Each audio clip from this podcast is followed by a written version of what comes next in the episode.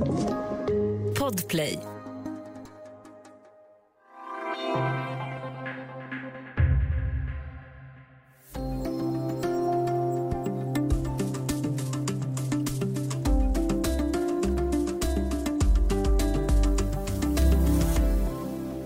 Det kändes väldigt jobbigt. Det kändes otroligt jobbigt. Det var ju riktigt, eh, ja, chock kan man säga. Ja. Så säger cancersjuke Torvald Hurula från Kivijärvi i Tornedalen.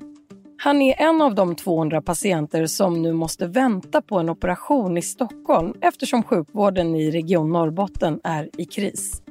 I dagens Studio DN om vårdplatsbrist, läkare i uppror och regionråd som avgår. Välkommen, jag heter Ylke Holago. Och nu har jag med mig Emma Isberg, reporter på Dagens Nyheters redaktion i Luleå. Hej Emma! Hej! Vi ska ju prata om ett problem som alltså drabbar patienter och vårdpersonal på flera sätt. Om vi börjar med en översiktlig bild av läget.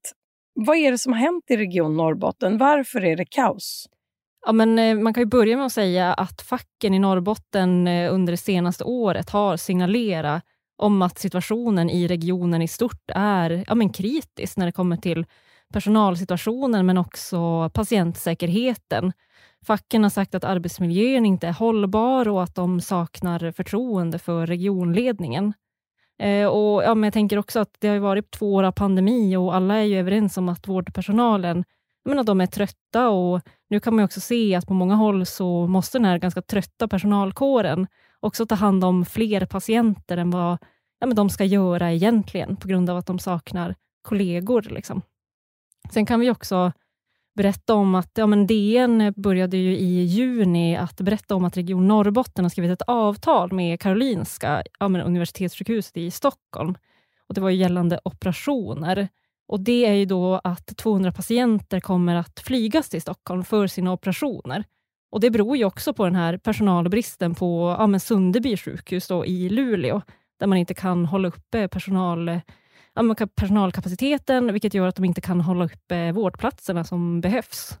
Och De här operationerna då i Stockholm är ju såna här som kräver ganska mycket eftervård och är liksom mer omfattande. Det är ju sådana som ja, canceroperationer, tarmcancer till exempel, cancer i köldkörteln och eh, bröstcancer.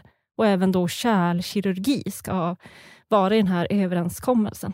Och vår kollega Marcus Derland har träffat en av de patienter som har drabbats, Torvald Hurula från Kivjärvi i Tornedalen, som vi hörde precis här i starten. Han var inlagd på Sunderby sjukhus i Luleå för att operera bort en cancertumör i just tjocktarmen, men det blev ju inte som planerat. Vad var det som hände, Emma? Ja, men när Marcus eh, han åkte och träffade Torvald, det var några dagar efter att han hade fått sin operation inställd. Och Då berättade han då för eh, reporter Marcus att han hade åkt till Sunderbyn med sin särbo Hjördis. Det, ungefär, ja, men det är ungefär 20 mil från hans by Kivijärvi till Sunderbyn. Och han hade ju då som du säger tjocktarmscancer och var i akut behov av en operation. Och Han berättade då att när han låg på operationsbordet och hade nålar i armen och hade gjort sig redo för operation så sa en sjuksköterska att, ja, men att operationen hade blivit inställd. Och Det var ju då på grund av både plats och personalbrist. Så han fick helt enkelt åka hem utan en ny tid. Eh, så han fick åka hem i ovisshet med, ja, med cancer. Eh, och Han berättade också att, ja, men att den här inställda operationen gjorde att han fick mycket ångest och oro. Det var ju någonting som han hade burit med sig sen han fick det cancerbeskedet. Och, ja, att mycket av det kom tillbaka när han satt där i bilen på väg hem och att han inte visste när operationen skulle genomföras nästa gång. Ja, vad har den här inställda operationen fått för konsekvenser för Torvald Hurula? Vad, och vad händer nu? Ja, men han fick ju gå då en lång tid i ovisshet om ja, men kommer det bli en operation. Kommer jag bli de som ska flygas till Stockholm för operation eller ska jag få vänta till hösten och kanske då riskera att bli ännu värre? Eh, och Han var ju orolig ifall hans cancer hade spritt sig då och ja, men som sagt blivit värre. Men förra veckan så kunde ju Norrländska Socialdemokraten, tidningen i Norrbotten, berätta att han är en av de som ska opereras på Karolinska eh, under sommaren och att hans tur är ungefär om ja, men två veckor. ungefär. Och Han sa att han hade blivit jättelättad när han fick höra det här, men att ja, han fortfarande är orolig för att cancern har spritt sig på grund av att det har tagit längre tid med operation. Mm. Och då är det alltså 200 personer totalt under sommaren som ska flygas ner till Karolinska som ju själva också har en eh, personalbristsituation. Men som du har varit inne på här, i Region Norrbotten så har ju vårdpersonal och fack, deras fackförbund under en längre tid flaggat för att situationen är ohållbar. Vad är det för problem de har pekat på mer specifikt? Ja, men de har pekat på att det, det, är en personalgrupp som är väldigt hårt eh, ansatt nu efter en lång pandemi. Många är trötta. Man säger att övertid är mer i vardagen, än eh, någonting som man blir förvånad över att man ska jobba, för att man jobbar övertid ja, men väldigt ofta för att täcka upp för varandra och, och det gör ju att man får ta hand om men fler patienter än vad man kanske skulle ha gjort från början och man får täcka upp för sina kollegor som ja, men eh, bland annat är borta för att de inte orkar vara på jobbet, för att det är väldigt en utsatt situation just nu. Många säger också att det är otroligt låg brist på återhämtning och att man känner sig otillräcklig. Och Som jag sa tidigare där så är det ju flera fackförbund som har varit kritiska om, ja, men kring hur Region Norrbotten hanterar sin personal. Tre fackförbund, Kommunal, Vårdförbundet och eh, Läkarförbundet har avslutat sina avtal med Region Norrbotten för att ja, men de säger att regionen gör inte tillräckligt med personalens arbetsmiljö och det går inte att ha samverkan med Region Norrbotten i de här frågorna. Och Vad innebär det att fackförbundet säger upp ett avtal med en arbetsgivare? Ja, men I nuläget så har inte de någon samverkan kring de här frågorna. Um, vilket gör att det, de har hamnat lite i limbo kring, kring de här frågorna. Facket ser att deras personal och deras medlemmar mår väldigt dåligt på jobbet och ja, men i princip nästan offrar sin hälsa för att, för att orka ta hand om patienterna. Men de kan inte heller ha samverkan med Region Norrbotten för att de har inte, ja, men de har inte förtroende för dem helt enkelt. Och Varför har det varit så svårt för Region Norrbotten att rekrytera den personal som krävs för att bedriva vården på ett eh, säkert sätt? Ja, det de alltid pekar på är ju att det är svårt att rekrytera personal upp till norr för att ingen vill flytta dit. är väl ungefär det de säger. Um, sen säger ju ja, men bland annat fackförbunden att de måste jobba mer med att rekrytera personal genom att höja löner och höja arbetsvillkoren, men också för att ja, men, ha ett bättre rykte. Att ha den här situationen som det är nu kanske inte lockar personal om man hör att det är dålig arbetsmiljö. Så det är att höja ryktet också för sjukhuset som är viktigt. Men regionen säger ju att det är, det är jättesvårt att rekrytera folk och att man måste jobba ännu mer med det, men de har inte kommit med några konkreta förslag på exakt hur det ska gå till. Vi ska ta en kort paus och sen gå in närmare på den problembild som granskningar av vården i Norrbotten visar och hur regionpolitiker har reagerat på situationen.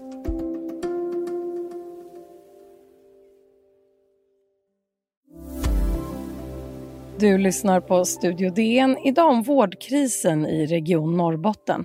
Emma Isberg, du är reporter på Dagens Nyheters redaktion i Luleå. Inspektionen för vård och omsorg, IVO, granskar ju brister inom vården.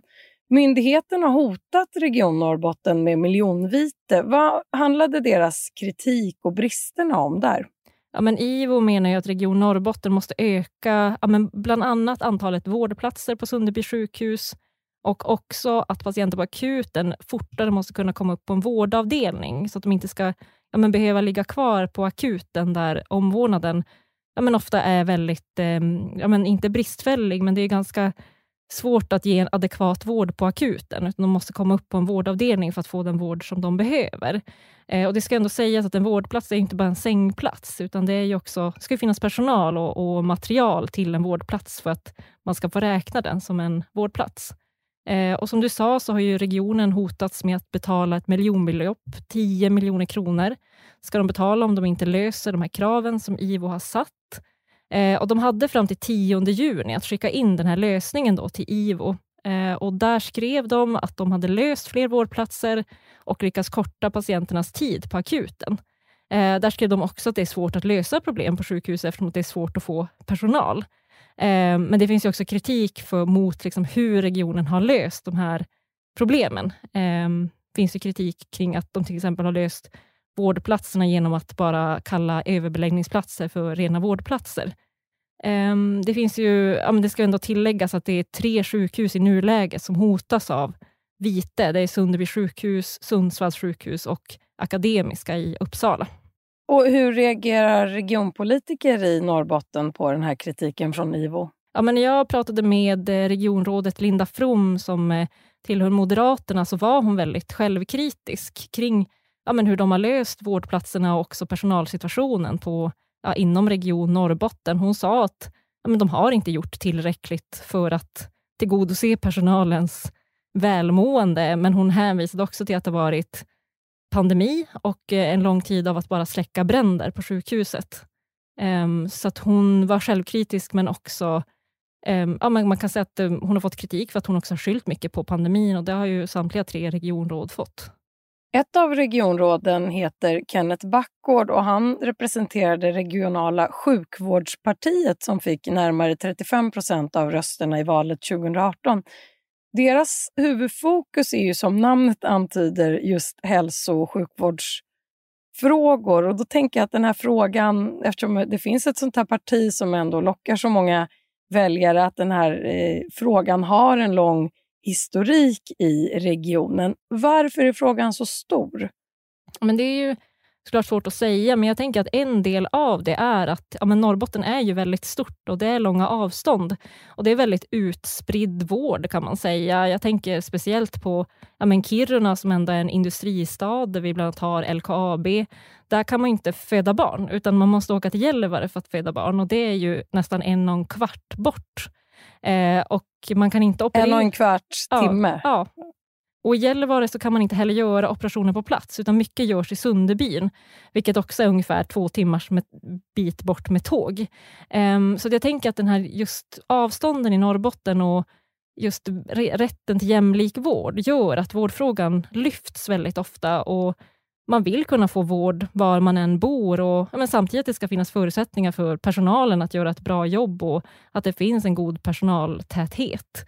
Sen tänker jag också att vården är en stor fråga i Norrbotten just på grund av alla industrisatsningar som ska satsas där uppe. Vi ska ju bli 100 000 personer mer eh, och som väntas att flytta upp till norra Sverige och då måste ju vården fungera och vårdpersonalen måste också bli fler för att kunna ta hand om fler. Och hur går diskussionen kring vården i relation till den här expansionsfrågan då? Alltså diskussionen som den ser ut nu är ju att eh, sam, ja, men vården måste öka i sin personal. Vi måste få mer, fler personer som vill jobba inom offentliga sektorn uppe i Norrbotten och, och hela norra Sverige egentligen, där det ska satsas mycket. Eh, men det är ju svårt. Det är ju personalbrist på många ställen i, runt om i Sverige också. Eh, men diskussionen som ser ut nu är ju att, att eh, det ska inte bara öka inom industrin, utan den måste öka i alla sektorer. Det är både vård, omsorg och barnomsorg, skola, ja, alla sorter som gör att familjer vill flytta upp och inte bara enskilda personer. Om vi går tillbaka till den akuta krisen som pågår just nu. Du intervjuade ju själv tre enhetschefer på Sunderby sjukhus i Luleå för ett par veckor sedan. De riktade skarp kritik mot eh, regionpolitikerna. Och de var inte nöjda med politikernas besked efter en uppmärksammad presskonferens där alla de här problemen adresserades. Varför var enhetscheferna inte nöjda?